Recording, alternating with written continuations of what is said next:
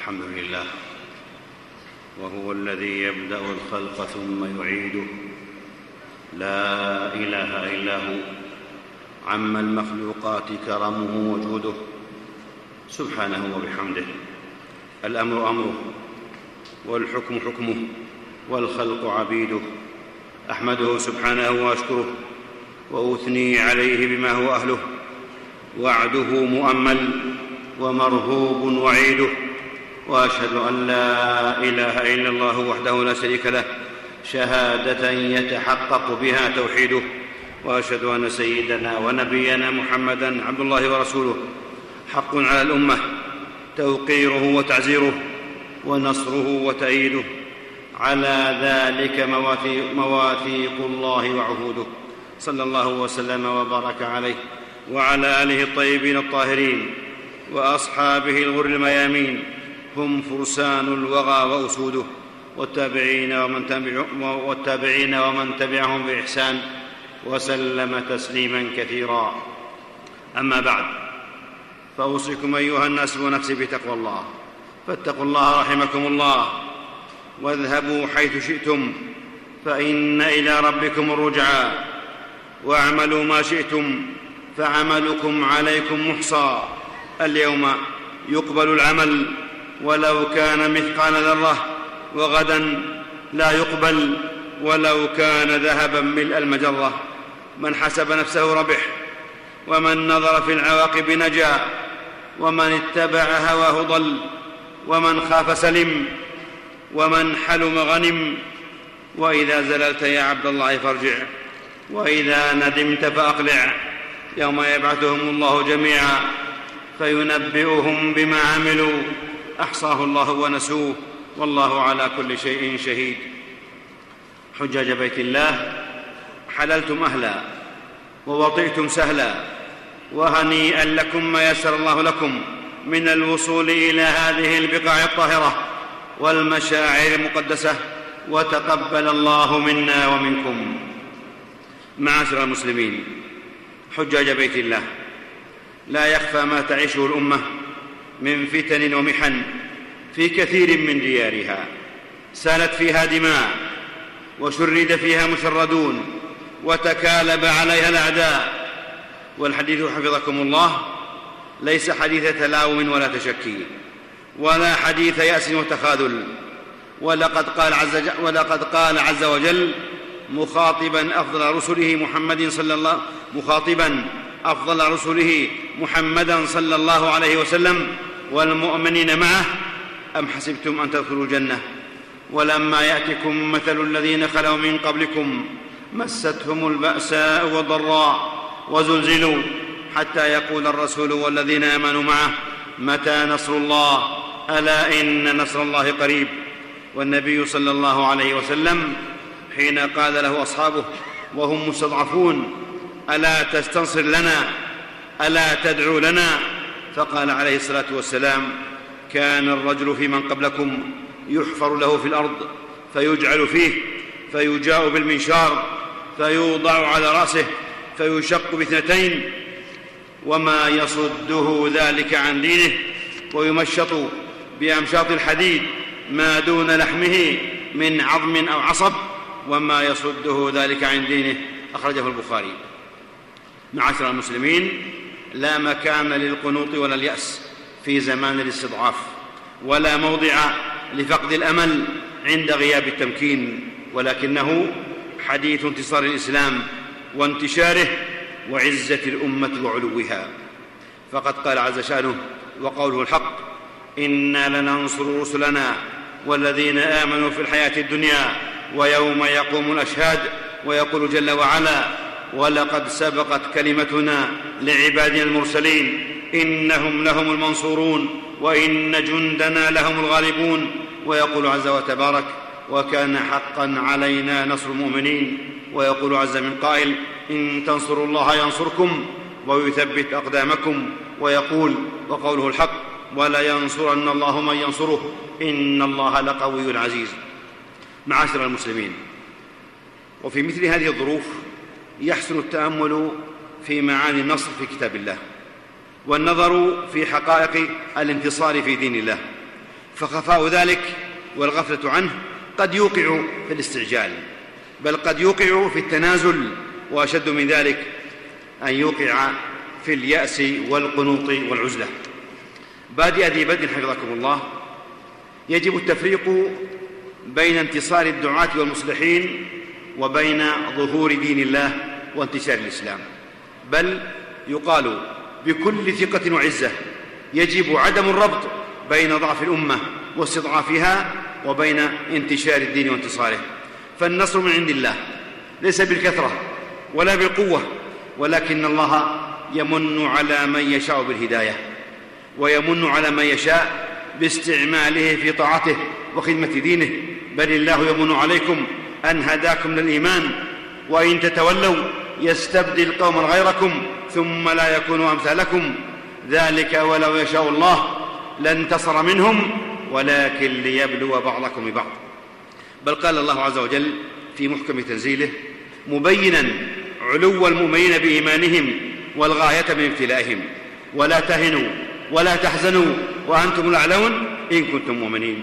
إن يمسسكم قرح فقد مس القوم قرح مثله وتلك الأيام نداولها بين الناس وليعلم الله الذين آمنوا وليعلم الله الذين آمنوا ويتخذ منكم شهداء والله لا يحب الظالمين وليمحص الله الذين آمنوا ويمحق الكافرين. إذا كان الأمر كذلك يا عباد الله فاعلموا أن النصر ليس له صورة واحدة ولا مظهر واحد كما دل, كما دل على ذلك كتاب الله. وسنة نبيه محمد صلى الله عليه وسلم. وهذا رعاكم الله استعراض لبعض أنواع النصر ومظاهر الانتصار ليقوم المسلم مسؤوليته وليخدم دينه ويحفظ أمته ويكون على بصيرة من أمره وبينة من مسيرته. أول أنواع النصر ومظاهر الانتصار ما يعرفه الناس ولا يكادون يعرفون غيره وهو النصر بالغلبة وقهر الأعداء وظهور أهل الحق. ويكاد يكون هذا النوع هو الذي ينتظره الناس ويتعلقون به ويحبونه ويجعلونه مقياس نجاح أعمالهم وميزان ابتلائهم. وهذا النصر هو المحبب للنفوس وأخرى تحبونها نصر من الله وفتح قريب وبشر المؤمنين. وقد قضت سنة الله ومضت أن هذا لا يكون لكل مؤمنين ولا في كل الأزمان ولا في كل الأماكن. ومن أنواع النصر ومظاهر الانتصار معاشر الأحبة إهلاك المكذبين ونجاة المرسلين والمؤمنين. كما نصر الله نبيه نوح عليه السلام وهو الذي لبث في قومه ألف سنة إلا خمسين عاما وما آمن معه إلا قليل. فدعا ربه أني مغلوب فانتصر فأجابه ربه ففتحنا أبواب السماء بماء منهمر وفجرنا الأرض عيونا فالتقى الماء على أمر قد قدر وحملناه على ذات ألواح ودسر تجري بأعيننا جزاء لمن كان كفر. فأرق الله المكذبين عن آخرهم وجعل ذريته هم الباقين. ومثل ذلك نصر أنبياء الله هود وصالح ولوط وشعيب عليهم الصلاة والسلام. فكلا أخذنا بذنبه فمنهم من أرسلنا عليه حاصبا ومنهم من أخذته الصيحة ومنهم من خسفنا به الأرض ومنهم من أغرقنا وما كان الله ليظلمهم ولكن كانوا أنفسهم يظلمون. ومن مظاهر الانتصار عباد الله النصر بالانتقام من الأعداء المكذبين بعد وفاة الأنبياء والدعاة المصلحين. يقول الإمام الطبري رحمه الله في تفسير قوله تعالى إنا لننصر رسلنا والذين آمنوا في الحياة الدنيا ويوم يقوم الأشهاد. يقول إما بإعلائنا لهم على من كذبنا أو انتقامنا في الحياة ممن كذبهم بعد وفاة رسولنا. كالذي فعلنا بقتلة يحيى عليه السلام. من تسليطنا أخت نصر حتى انتصرنا من, من, من قتله له وكقصة الغلام وأصحاب الأخدود. ومن مظاهر النصر حفظكم الله النصر بالحجة وصحة الدليل والبرهان. يقول الإمام ابن جرير رحمه الله في قوله عز شأنه ولقد سبقت كلمتنا لعبادنا المرسلين أي أن لهم النصر والغلبة بالحجج. يوضح ذلك قوله عز شأنه في إبراهيم عليه السلام. وتلك حجتنا آتيناها إبراهيم على قومه نرفع درجات من نشاء. والرفع هو الانتصار. وقوله جل وعلا فبهت الذي كفر والبهت هو الهزيمة فانهزم الكافر وانتصر نبي الله إبراهيم عليه السلام بالحجة. ومن أنواع النصر العجيبة ومظاهره الغريبة النصر بالهجرة وتحمل الأذى والقتل وكم قتل من الأنبياء والذين يأمرون بالقسط من الناس ومنهم من طرد ومنهم من هاجر ومنهم من لم يتبعه أحد ومنهم من تبعه الرجل والرجلان قل هل تربصون بنا إلا إحدى الحسنين ونحن نتربص بكم أن يصيبكم الله بعذاب من عنده أو بأيدينا فاستجاب لهم ربهم أني لا أضيع عمل عامل منكم من ذكر أو أنثى بعضكم من بعض. فالذين هاجروا وأخرجوا من ديارهم وأوذوا في سبيلي وقاتلوا وقتلوا لأكفرن عنهم سيئاتهم ولأدخلنهم جنات تجري من تحت الأنهار ثوابا من عند الله والله عنده حسن الثواب. ومن يخرج من بيته مهاجرا إلى الله ورسوله ثم يدركه الموت فقد وقع أجره على الله. فيحصل بالهجرة والأذى والطرد إما الشهادة وإما ظهور الدين. فالهجرة والسجن والتعذيب وأنواع الابتلاء كلها معالم نصر في علو الذكر وزيادة الأتباع وكبت الأعداء. ولكن المنافقين لا يعلمون ولا ينبغي الغفلة عما تمتلئ به نفوس الأعداء من الغيظ والألم النفسي العظيم. وقد قال عز وجل وإذا خلوا عضوا عليكم الأنامل من الغيظ. قل موتوا بغيظكم. ورد الله الذين كفروا بغيظهم لم ينالوا خيرا. ومن يهاجر في سبيل الله يجد في الأرض مراغما. ومن يجد في الأرض مراغما كثيرا. ومن أبلغ البيان في ذلك قول الله عز وجل في هجرة نبيه محمد صلى الله عليه وسلم. إلا تنصروه فقد نصره الله. إذ أخرجه الذين كفروا ثاني اثنين. إذ هما في الغار. إذ يقول لصاحبه لا تحزن إن الله معنا فأنزل الله سكينته عليه وأيده بجنود لم تروها وجعل كلمة الذين كفروا السفلى وكلمة الله هي العليا والله عزيز حكيم. وأعلنها إبراهيم عليه السلام وقال إني مهاجر إلى ربي إنه هو العزيز الحكيم. ويقول شيخ الإسلام ابن تيمية رحمه الله ماذا ينقم أعدائي مني؟ جنتي وبستاني في صدري وقتلي شهادة ونفي سياحة وسجني خلوة.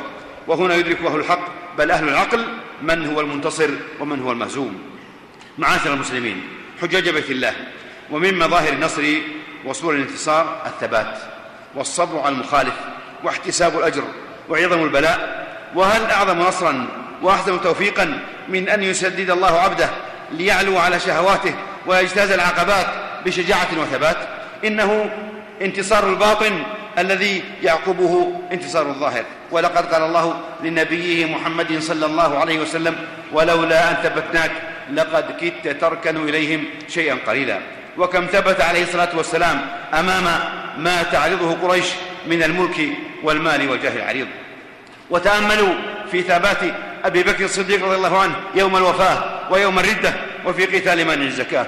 وثبات الإمام أحمد رحمه الله في الفتنة والمحنة وكم أعقب ذلك من نصر وعز. حجاج بيت الله معاشر أهل الإسلام ولو تأمل المتأمل هذه المظاهر والأنواع من النصر والانتصار ومظاهره لعلم سعة فضل الله وحكمته. وقد تجتمع هذه الأنواع لبعض عباده كما اجتمعت لنبينا محمد صلى الله عليه وسلم. فقد انتصر بظهور الدين وتمامه وكماله وهلاك المكذبين وانتصر بالهجرة والبرهان والحجة. وحفظه الله من أعدائه ومثله موسى عليه السلام. أما إبراهيم عليه السلام فقد انتصر بالحجة والهجرة. ونوح وهود وصالح ولوط وشعيب عليهم السلام فانتصروا بالصبر والثبات وهلاك أعدائهم ونجاتهم ومن معهم. أما المؤمنون معهم فقليل. معاشر المسلمين إن مسؤولية, المسلم أن يتأكد أنه سائر على الجادة. وعلى نهج المصطفى صلى الله عليه وسلم الذي دل عليه بقوله من كان على مثل ما أنا عليه وأصحابي وقوله عليه الصلاة والسلام عليكم بسنتي وسنة الخلفاء الراشدين من بعدي عضوا عليها بالنواجذ وإياكم ومحدثات الأمور وبعد حفظكم الله فالأمر لله من قبل ومن بعد ولسنا سوى عبيده سبحانه نتقرب إلى الله بعبادته وخدمته والزلفى لديه مؤمنين موقنين بأن الأمر كله لله. يخفض ويرفع ويعطي ويمنع ويعز من يشاء ويذل من يشاء وينصر من يشاء وهو المقدم والمؤخر. لا إله إلا هو. وإذا فقه المسلم ذلك فإنه لن يستكين أمام ضغوط الظالمين ومساومتهم واستعجال الأتباع وعدم صبرهم سعيا للحصول على بعض المكاسب. وهي ليست مكاسب ولكنها أشبه بالمسكنات. ناهيكم بما قد يبتلى به من بعض التنازلات. أعوذ بالله من الشيطان الرجيم. يريدون أن يطفئوا, أن نور الله بأفواههم ويأبى الله إلا أن يتم نوره. ولو كره الكافرون هو الذي أرسل رسوله بالهدى ودين الحق ليظهره على الدين كله. ولو كره المشركون نفعني الله وإياكم بالقرآن العظيم وبهدي محمد صلى الله عليه وسلم. وأقول قولي هذا. وأستغفر الله لي ولكم فاستغفروه. إنه هو الغفور الرحيم.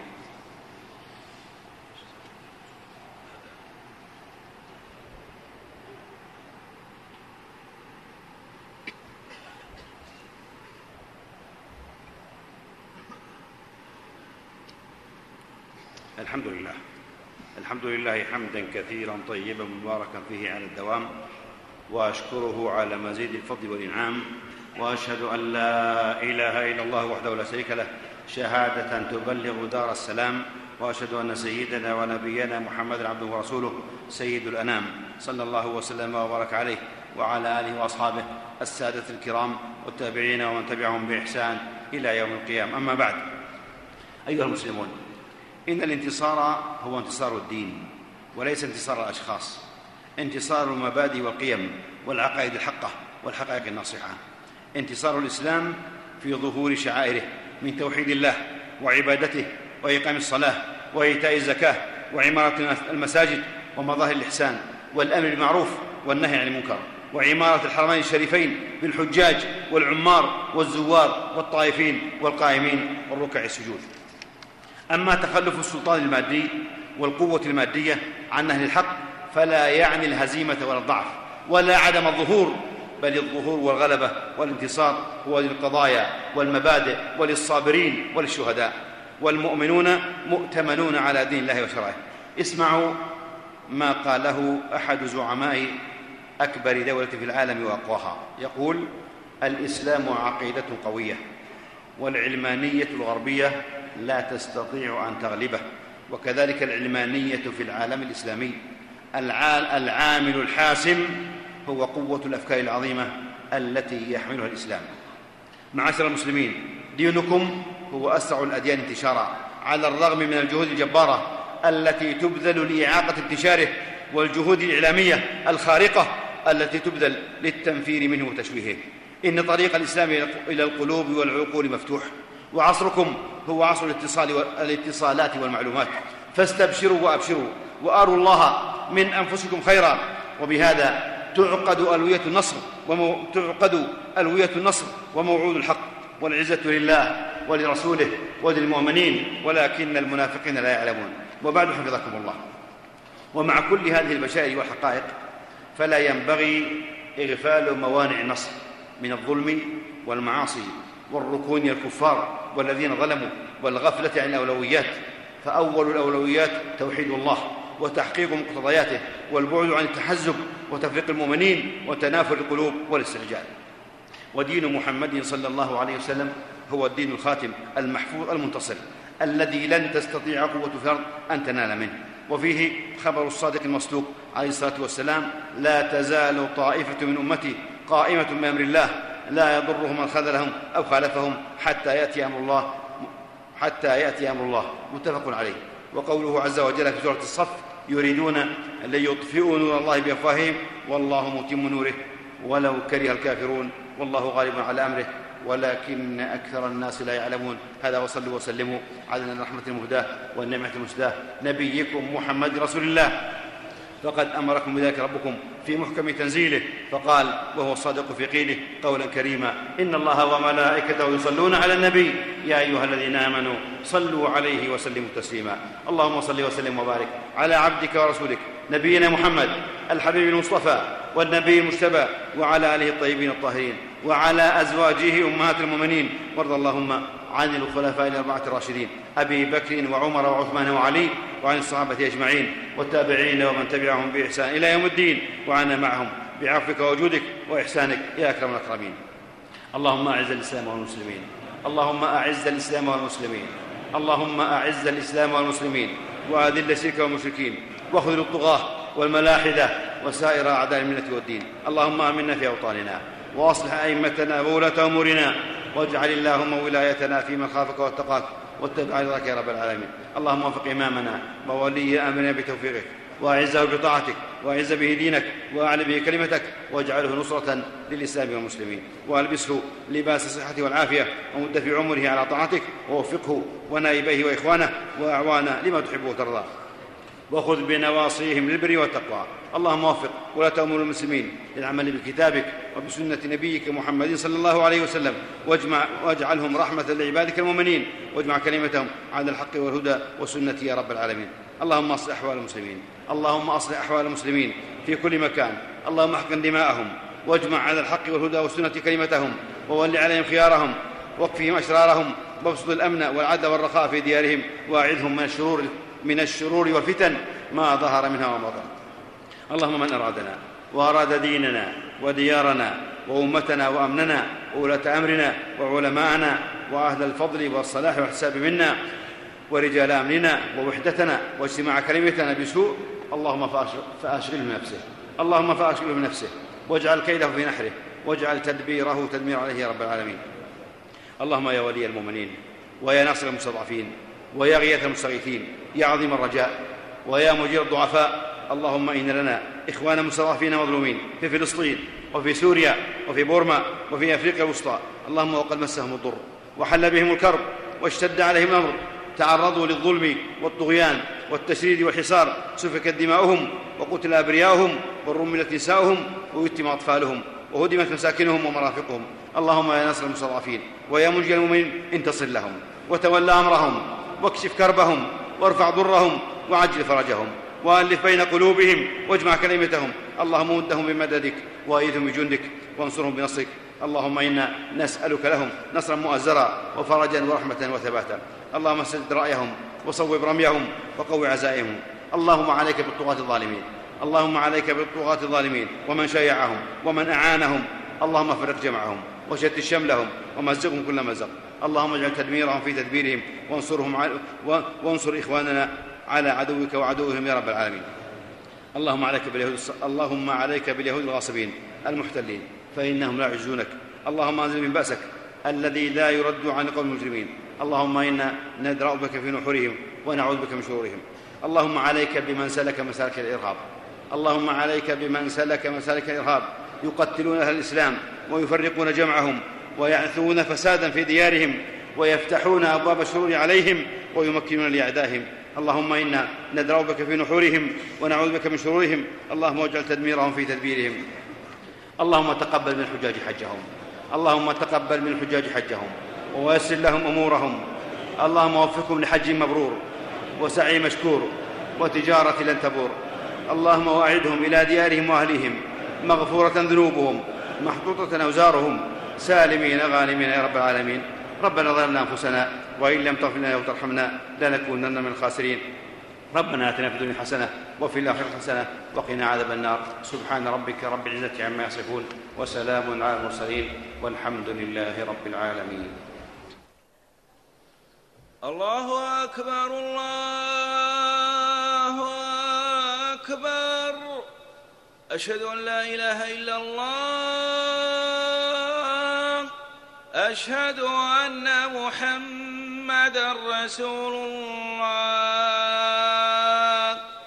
حي على الصلاة حي على الفلاح. قد قامت الصلاة قامت الصلاة. الله أكبر الله أكبر. لا